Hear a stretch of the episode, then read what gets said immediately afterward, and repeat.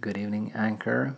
It is still March 14th, and it is time for uh, my daily series of Swedish translation of the James Bond movie titles.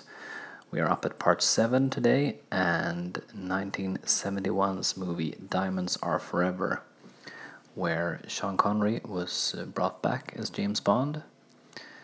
Um, and this is the first of the Bond movies that I really don't like. I think this is a super silly movie. I think anyone who blames Roger Moore for turning the franchise silly should really take a look at this movie because it is just as silly as uh, the early Roger Moore movies.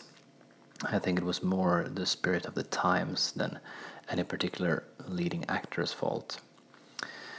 So this is probably it's one of the three Bond movies that I like the least, and I think it's the the one I've seen the second least amount of times. So that's that. Anyway, in Sweden, the movie was called Diamantfeber. That means diamond fever, if you translate it back to English. Uh, so it's not really the same, and it's kind of a silly title. I think Diamonds Are Forever are a better title. And that would be Diamanter varar för alltid in Swedish, which is also kind of a silly title. So I don't really know what to do with this one. Anyway, Diamonds Are Forever, Diamantfeber, and James Bond will return in Live and Let Die.